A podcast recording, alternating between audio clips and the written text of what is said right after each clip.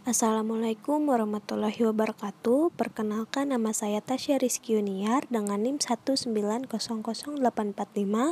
sebagai pemateri pertama penyajian laporan bab yang berjudul Transactional Analysis in Group oleh kelompok 7.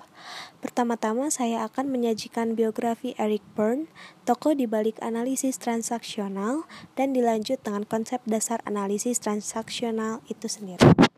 Eric Berne yang lahir pada tahun 1910 dan wafat eh, pada tahun 1970 lahir di Montreal, Quebec, Kanada. Ayahnya adalah seorang dokter umum dan ibunya adalah seorang penulis dan editor profesional. Berne dekat dengan ayahnya dan senang menemaninya dalam pemeriksaan medis sampai ayahnya meninggal pada usia 39 tahun karena TBC. Didorong oleh ibunya untuk belajar kedokteran, Byrne menerima gelar MD dari McGill University Medical School pada tahun 1935.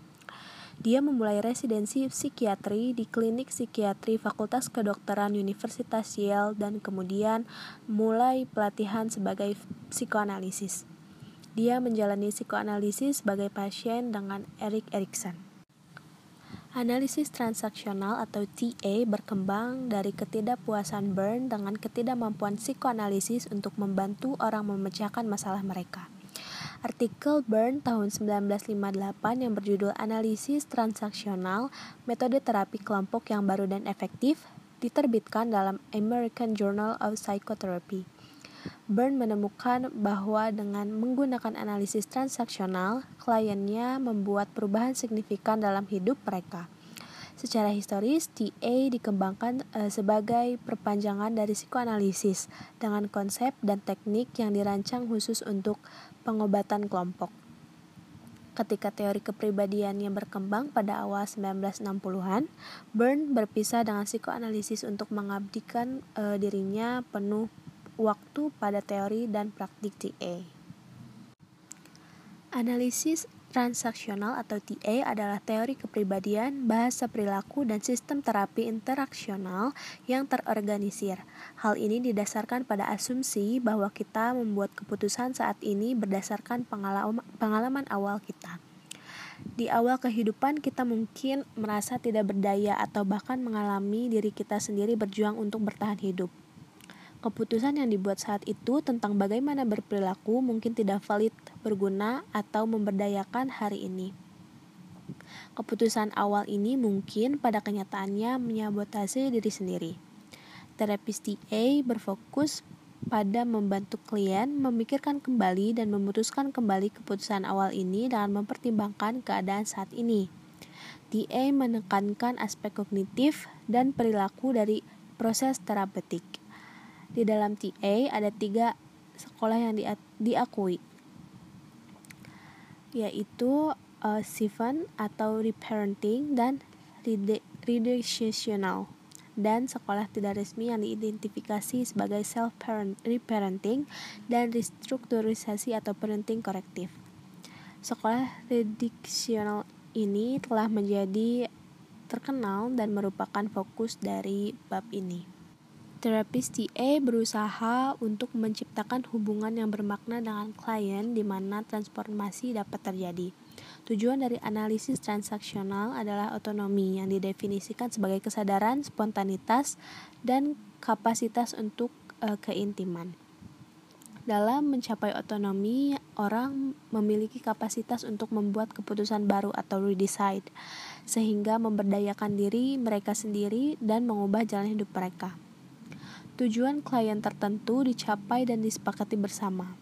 Dalam kelompok terapi, peserta TA belajar bagaimana mengenali tiga keadaan ego yaitu orang tua, dewasa, dan anak di mana mereka berfungsi. Anggota kelompok juga belajar bagaimana perilaku mereka saat ini dipengaruhi oleh aturan dan peraturan yang mereka terima dan masukkan sebagai anak-anak dan bagaimana mereka bisa mengidentifikasi naskah kehidupan yang mereka putuskan yang menentukan tindakan mereka.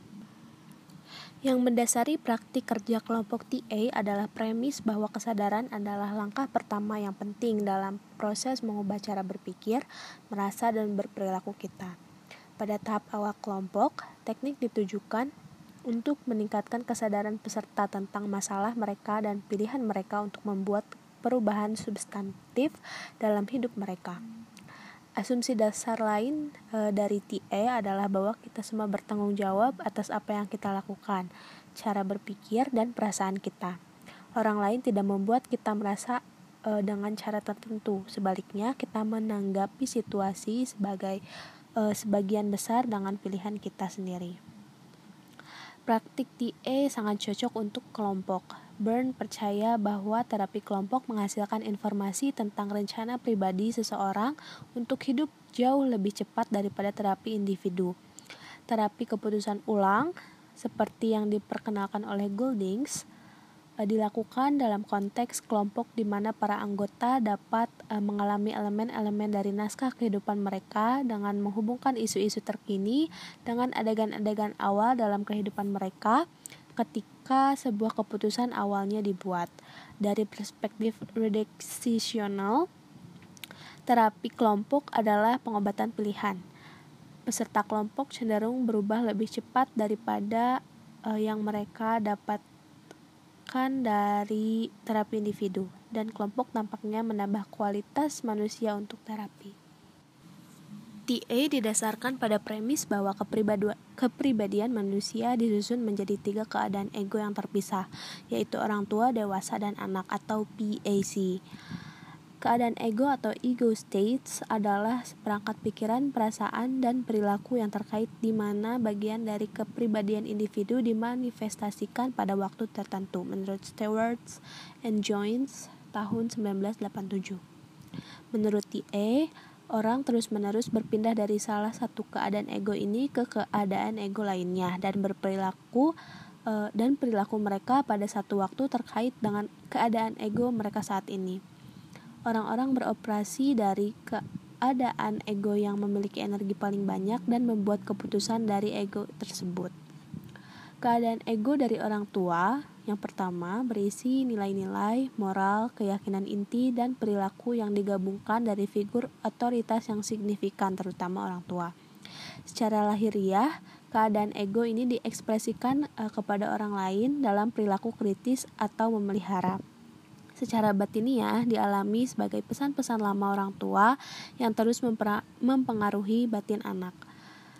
Keadaan ketika kita berada dalam keadaan ego orang tua, kita bereaksi terhadap situasi seperti yang kita bayangkan orang tua kita mungkin bereaksi, atau kita mungkin bertindak terhadap orang lain dengan cara orang tua kita bertindak terhadap kita.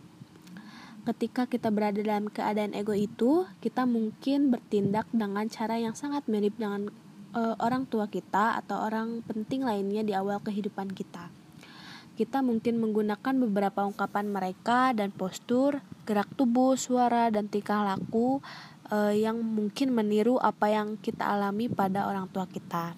Nah, keadaan ego orang tua ini terbagi menjadi nurturing parent atau NP dan controlling parent atau CP yang keduanya memiliki aspek positif dan negatif.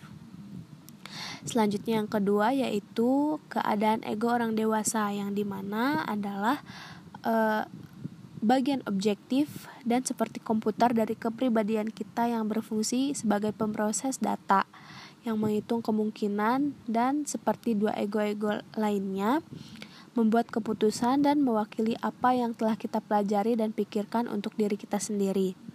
Keadaan tidak berhubungan dengan manusia uh, maaf, keadaan tidak berhubungan dengan usia kronologis. Nah, dewasa ini adalah keadaan berpikir yang berorientasi pada realiti pada realitas saat ini, orang dewasa objektif dalam mengumpulkan informasi, tidak emosional, dan bekerja dengan fakta-fakta realitas eksternal seperti yang dirasakan oleh individu itu. Orang dewasa sering bernego bernegosiasi antara keinginan anak dan keinginan orang tua. Nah, yang terakhir, keadaan ego anak adalah bagian asli dari kita yang secara alami e, menunjukkan siapa kita. Ini adalah bagian dari diri kita yang e, kita gunakan untuk membentuk hubungan jangka panjang. Keadaan ego anak e, terdiri dari perasaan, impuls, dan tindakan spontan dan termasuk rekaman dari pengalaman awal. ego state anak ini terbagi menjadi natural child atau NC dan adapted child atau AC. Yang keduanya memiliki aspek positif dan negatif. Aspek positif dari anak alami atau natural child adalah e, bagian dari kita semua yang spontan, sangat menawan, penuh kasih dan menawan. Aspek negatif dari anak alami atau natural child adalah menjadi impulsif sampai tingkat keamanan yang dikompromikan. Nah, aspek positif dari adapted child adalah bahwa kita merespons dengan tepat dalam kondisi uh, situasi sosial. Nah, kalau aspek negatif dari anak yang diadaptasi atau adapted child itu melibatkan adaptasi yang berlebihan dan menyerahkan kekuatan kita dan mengabaikan nilai dan martabat kita. Nah, sekian pematerian dari saya, dilanjutkan kepada pemateri selanjutnya. Terima kasih. Perintah dan kontra perintah. Pekerjaan decision Goldings didasarkan pada konsep TA dari perintah dan keputusan awal. M. Goldings tahun 1987, ketika orang tua senang dengan perilaku anak, pesan yang diberikan sering izin atau penguatan untuk perilaku tersebut. Namun, ketika orang tua teras merasa terancam oleh perilaku anak, pesan yang diungkapkan sering kali perintah yang dikeluarkan dari keadaan ego anak orang tua sendiri Pesan-pesan seperti itu, ekspresi kekecewaan, frustrasi, kecemasan, dan ketidakbahagiaan menetapkan larangan yang dengannya anak-anak belajar untuk hidup. Dari rasa sakit mereka sendiri, orang tua dapat mengeluarkan daftar perintah umum yang singkat namun mendalam. Ini jangan, jangan, jangan dekat, jangan terpisah dariku. Jangan menjadi jenis kelaminmu. Tidak mau, tidak perlu, jangan berpikir. Jangan merasa, jangan tumbuh dewasa, jangan jadi anak kecil, jangan berhasil, jangan jadi kamu, jangan waras, jangan baik-baik saja, bukan milik. M. Golding tahun 1987 M. Golding dan Golding tahun 1979 Pesan-pesan ini sebagian besar diberikan secara non-verbal dan pada tingkat psikologis antara kelahiran dan usia 7 tahun. Menurut Mary Golding, tahun 1987, anak-anak memutuskan untuk menerima pesan orang tua ini atau melawannya. Jika mereka menerimanya, mereka memutuskan dengan tepat bagaimana mereka akan menerima mereka. Keputusan yang dibuat anak-anak tentang perintah ini menjadi bagian dasar dari struktur karakter permanen mereka. Anggota kelompok sering memiliki kesalahpahaman bahwa jika sebuah perintah ditemukan dan diubah dengan cara apa pun, mereka tidak akan bertahan. Misalnya, Tom menunjukkan perilaku gugup dan gelisah selama pertemuan pertamanya dengan kelompok. Di luar kesadarannya, Tom takut segmen perintah dan dari naskahnya akan ditemukan dan dia akan binasa. Naskah kehidupan tidak cocok dengan kenyataan, tentang, tetapi cocok dengan persepsinya tentang kenyataan dalam keadaan ego anak. Hal ini menjadi tantangan bagi ketua kelompok pemimpin dari orang tua pengasuhnya harus bersekutu dengan anak internal yang ketakutan dari anggota dan membangun lingkungan yang aman dalam kelompok untuk memfasilitasi perubahan. Ketika orang tua mengamati putra atau putri mereka tidak berhasil atau tidak merasa nyaman dengan siapa mereka, mereka berusaha untuk melawan efek dari pesan sebelumnya dengan contra injunction. Pesan-pesan ini datang dari keadaan ego orang tua, orang tua dan diberikan pada tingkat sosial. Mereka menyampaikan seharusnya-seharusnya dan dos dari harapan orang tua. Contoh kontradiksi adalah jadilah sempurna, berusaha keras, percepat, jadilah kuat, tolong saya, hati-hati.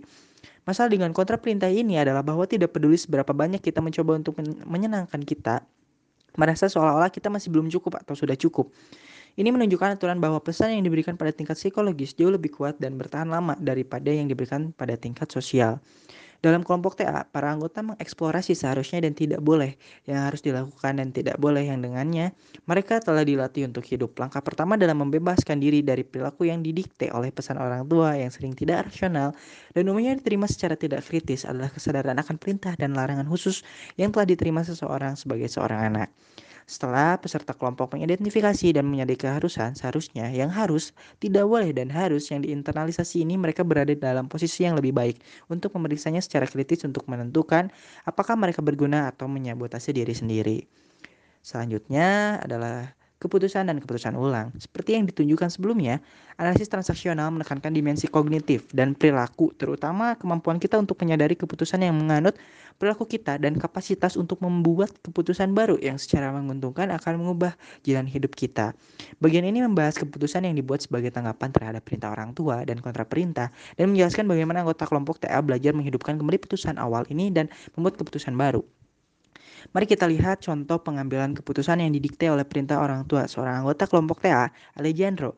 Tampaknya menerima perintah orang tua. Jangan percaya siapa pun keputusan tentang perilaku yang dihasilkan dari perintah ini tersirat dalam banyak pernyataan kelas Alejandro, khas Alejandro. Jika Anda tidak membiarkan diri Anda peduli, Anda tidak akan terluka. Jika saya menjaga diri saya sendiri, saya tidak akan membutuhkan apa pun dari siapa pun.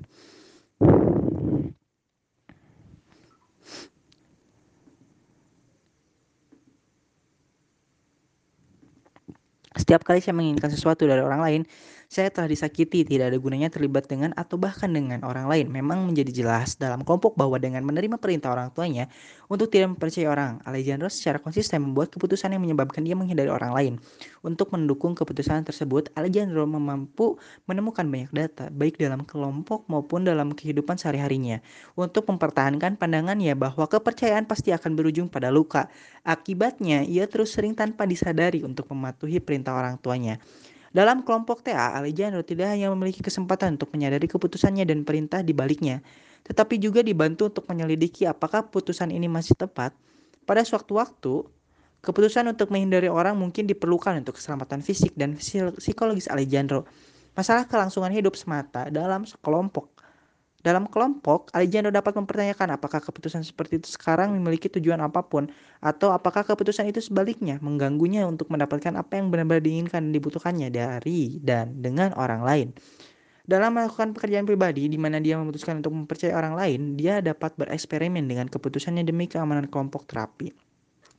Meskipun perintah dan kontra membawa bobot otoritas orang tua. Goldings tahun 1978 dan 1179 menunjukkan bahwa anak harus menerima pesan-pesan ini jika mereka ingin berdampak pada kepribadiannya. Goldings menambahkan bahwa banyak perintah pasak anak-anak tidak dikeluarkan oleh orang tua tetapi berasal dari fantasi dan salah tafsir anak-anak itu sendiri. Printing untuk dicatat bahwa perintah orang tua tunggal dapat mendorong berbagi keputusan di pihak anak mulai dari yang masuk akal hingga yang patologis. Misalnya seorang anak mungkin menanggapi perintah jangan waras atau sehat dengan memutuskan dia akan menjadi psikiater. Yang lain mungkin memutuskan dia benar-benar gila dan kemudian pingsan sebagai orang dewasa dan membutuhkan perawatan di rumah. Demikian pula terimalah aku dan cintailah aku. Perintah jangan jadi kamu kadang-kadang ditawarkan dan dianggap sebagai jalan. Jangan jadi gender kamu yang mengakibatkan kebingungan peran gender bentuk lain untuk mengungkapkan perintah ini adalah jangan menjadi dirimu apa adanya, menjadi seperti yang saya inginkan ketika saya masih muda. Ini mungkin mengakibatkan seorang wanita muda memilih karir di bidang kedokteran ketika cinta sejatinya adalah arsitektur. Apa pun yang diterima orang dan apa pun keputusan hidup yang dihasilkan, analisis transaksional menyatakan bahwa orang dapat berubah dengan mengubah keputusan mereka. Dengan memutuskan kembali pada saat itu, asumsi dasar T adalah bahwa apa pun yang telah dipelajari dapat dipelajari kembali. Dalam kelompok mereka, Goldings mengembangkan suasana di mana Para anggota ditantang sejak awal untuk berubah. Robert Golding tahun 1975 memulai setiap sesi kelompok dengan mengajukan pertanyaan ini kepada anggota. Apa yang ingin Anda ubah hari ini? Di awal perjalanan kelompok, R. Golding juga bertanya, apa yang Anda putuskan untuk dilakukan untuk mengacaukan hidup Anda? Dan apa yang akan Anda putuskan sekarang untuk melepaskannya? Halaman 246. Kerja kelompok yang berkaitan dengan membuat keputusan baru sering mengharuskan anggota untuk kembali ke adegan masa kanak-kanak, di mana mereka sampai pada keputusan yang membatasi diri. Pemimpin kelompok dapat memfasilitasi proses ini dengan salah satu intervensi berikut. Saat Anda berbicara, berapa umur Anda? Apakah apa yang kamu katakan mengingatkanmu pada saat-saat ketika kamu masih kecil? Gambar apa yang muncul di benakmu sekarang? Bisakah kamu membesar-besarkan kerutan di wajahmu? Apa yang sedang kamu rasakan? Adegan apa yang muncul di benak Anda saat Anda mengerutkan kening? Mary Golding tahun 1987 percaya bahwa ada banyak cara untuk membantu seseorang untuk anggota untuk kembali ke beberapa titik kritis di masa kanak-kanak. Begitu klien berada di sana, dia mengalami kembali adegan itu menghidupkannya kembali di sini dan sekarang hanya kali ini dengan hasil yang berbeda. Keputusan ulang adalah keputusan yang benar-benar memberdayakan setelah anggota mengalami redecision Dari berada di adegan lama, mereka merancang eksperimen sehingga mereka dapat berlatih perilaku baru untuk memperkuat decision mereka baik di dalam maupun di luar kelompok. Anggota biasanya meninggalkan sesi kelompok dengan tugas pekerjaan rumah yang bertujuan untuk memperkuat keputusan baru. Pertimbangan Helga misalnya yang menghidupkan kembali adegan dengan orang tuanya ketika dia dibelai secara positif karena gagal atau dibelai secara negatif karena berhasil. Tampaknya pada saat itu dia menerima perintah jangan berhasil kelompok dapat mendorongnya untuk memaksa untuk memeriksa apakah keputusan yang mungkin berfungsi atau bahkan perlu di masa lalu saat ini tepat, dia mungkin memutuskan kembali bahwa saya akan berhasil dan saya berhasil meskipun itu bukan yang Anda inginkan dari saya. Anggota kelompok lain Kieran dapat melihat bahwa dia menanggapi perintah ayahnya yang dewasa dengan memutuskan untuk tetap tidak berdaya dan tidak dewasa. Dia ingat belajar bahwa ketika dia mandiri ayahnya berteriak padanya dan ketika dia tidak berdaya, jadi beri perhatian ayahnya. Karena menginginkan persetujuan ayahnya, Kieran memutuskan saya akan tetap menjadi anak-anak selamanya. Selama sesi kelompok, Kieran kembali ke adegan masa kecil di mana dia dibelai karena ketidakberdayaannya. Dan dia berbicara kepadanya sekarang dengan cara yang tidak pernah dilakukan sebagai seorang anak. Ayah, meskipun aku menginginkan persetujuanmu, saya tidak membutuhkannya untuk ada. Penerimaan Anda tidak sebanding dengan harga yang harus saya bayar. Saya mampu memutuskan untuk diri saya sendiri dan berdiri di atas kedua kaki saya sendiri.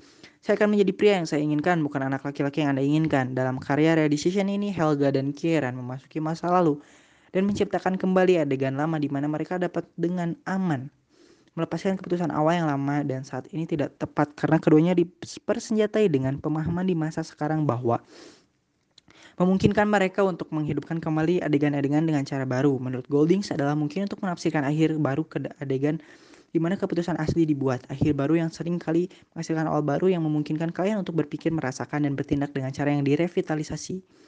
Permainan, sebuah transaksi yang dianggap sebagai unit dasar komunikasi terdiri dari pertukaran pukulan antara dua orang atau lebih. Sebuah permainan adalah serangkaian transaksi berkelanjutan yang berakhir dengan hasil negatif yang di mana yang diminta oleh skrip yang mengakhiri permainan dan meningkatkan perasaan seperti marah, depresi, atau bersalah.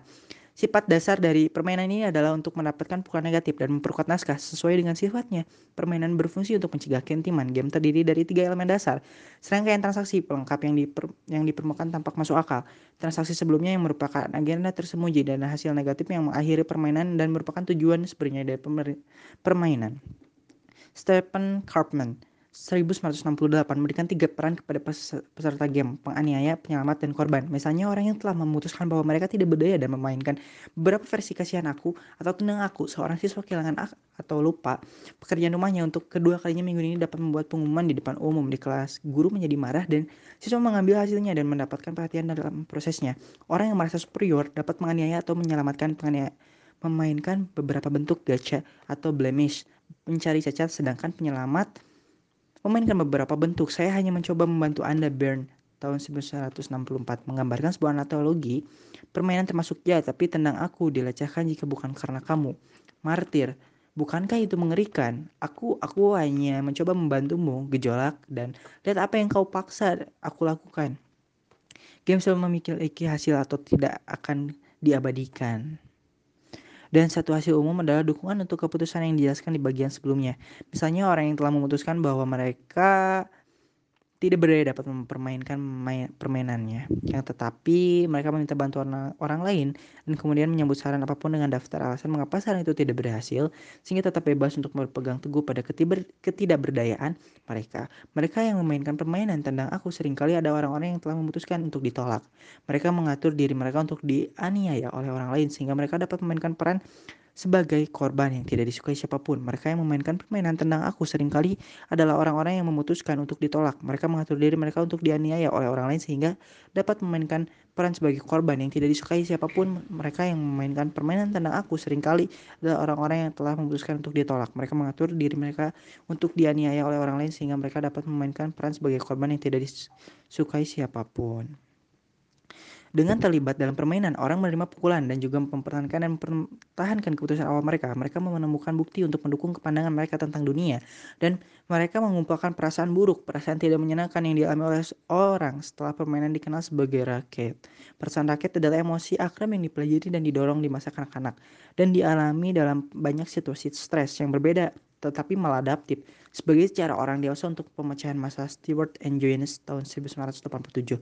Rakyat sering kali menjadi pengganti perasaan yang menggantikan perasaan yang tidak diizinkan orang tua anak.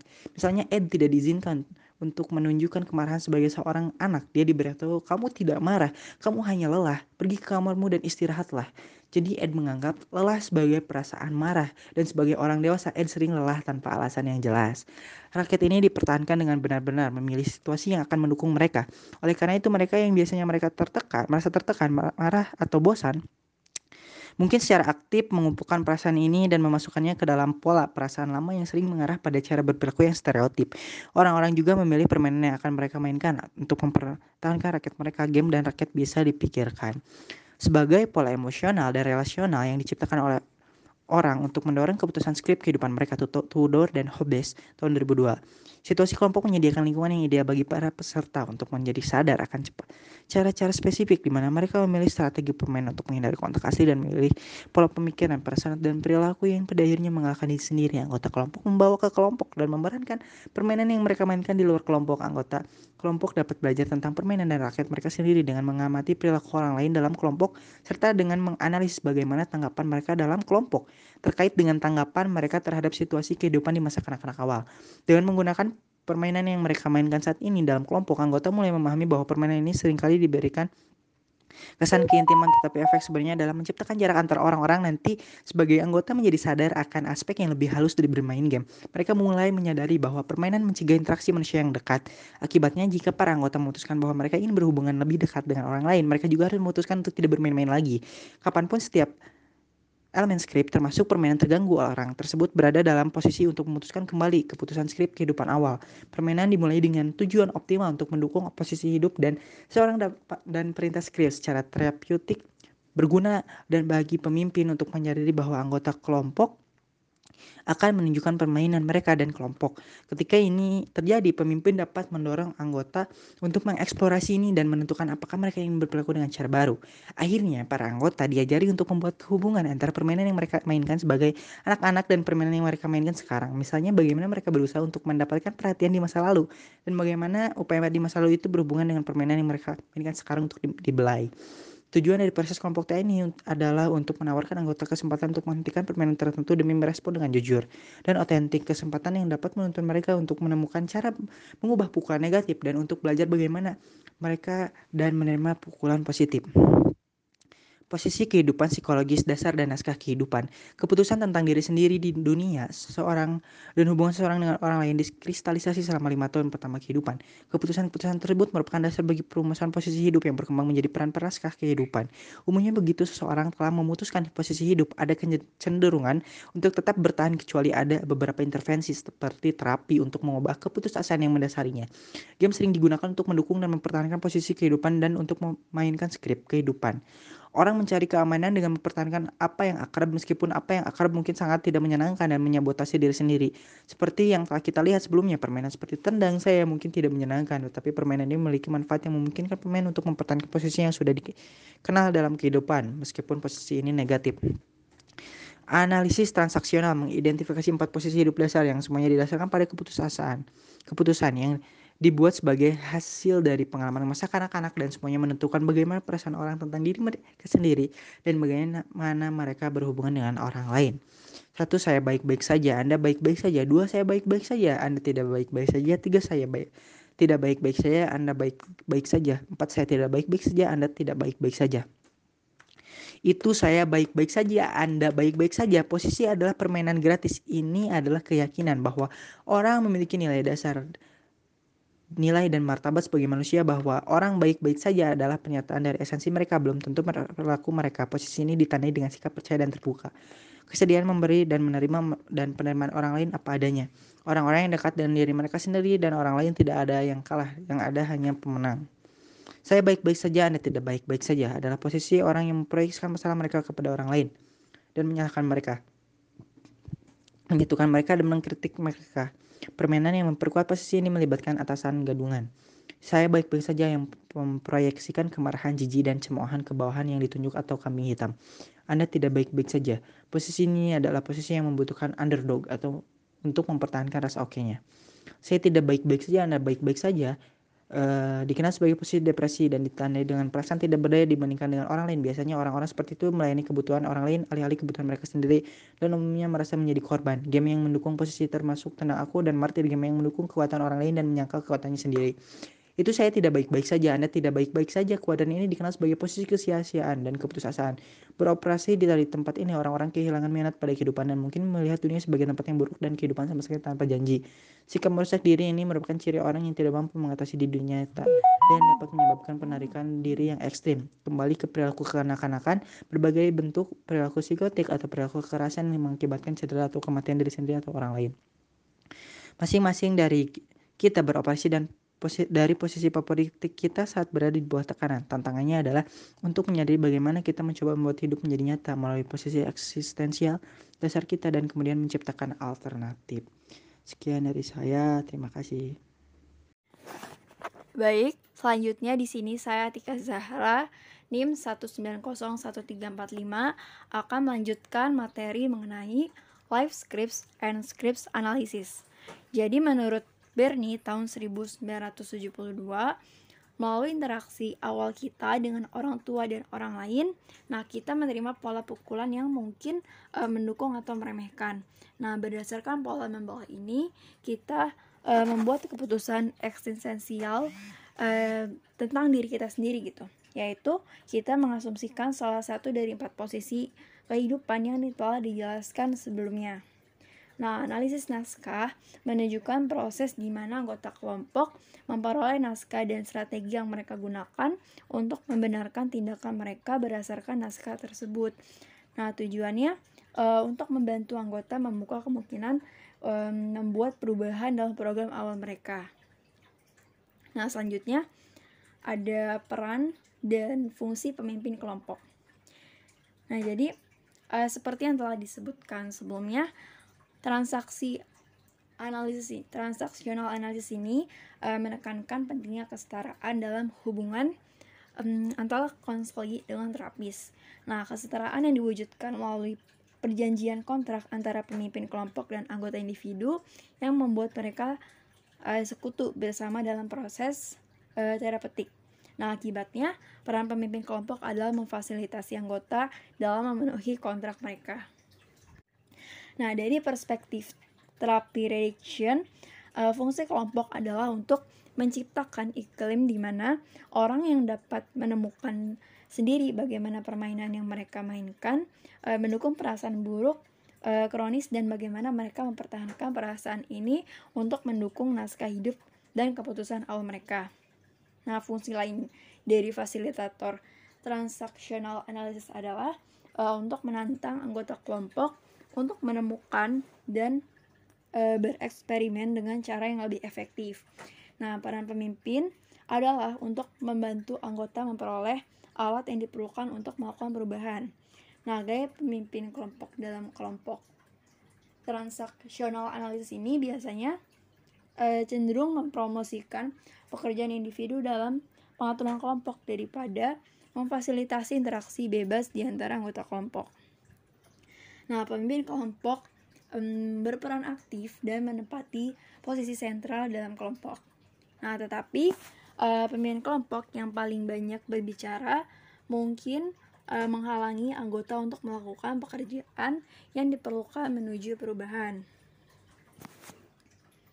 Nah, selanjutnya uh, terdapat tahapan analisis transaksional dalam kelompok.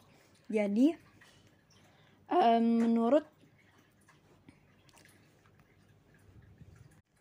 menurut Goldings tahun 1982 1982 terdapat tiga tahapan dalam analisis transaksional kelompok yaitu yang pertama ada tahap awal nah langkah pertama dalam proses kelompok ini terdiri dari uh, membangun kontak yang baik. Ya sebagian besar hasil bagi anggota kelompok itu tergantung pada kualitas hubungan yang dapat dibangun oleh pemimpin kelompok dengan para anggota dan pada kompetisi pemimpin. Lalu pada tahap kerja, nah jadi setelah kontrak tadi dirumuskan dengan pendekatan Goldings untuk terapi kelompok, nah ini um, uh, tujuannya adalah untuk mengekspos rakyat anggota kelompok dan meminta mereka bertanggung jawab atas uh, mereka gitu. Nah, selama tahap kerja kelompok ini, uh, permainan dianalisis terutama untuk melihat bagaimana mereka mendukung dan mempertahankan rakyat dan bagaimana mereka cocok dengan naskah kehidupan seseorang. Nah, lalu pada tahap akhir, yang setelah keputusan ulang telah dibuat dari keadaan ego anak, uh, perubahan suara, tubuh, dan ekspresi wajah, nah, terlihat jelas bagi semua orang dalam kelompok. Nah, uh, fokus selama fase akhir kerja kelompok adalah uh, menantang anggota untuk mentransfer perubahan mereka dari situasi terapi ke kehidupan sehari-hari mereka dan kemudian mendukung mereka dalam perubahan ini.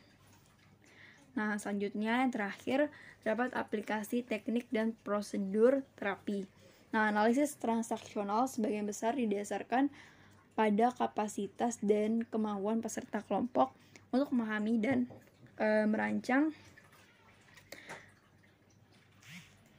dan merancang kontrak terapeutik yang mengharuskan mereka untuk menyatakan niat e, niat mereka dan menetapkan tujuan pribadi.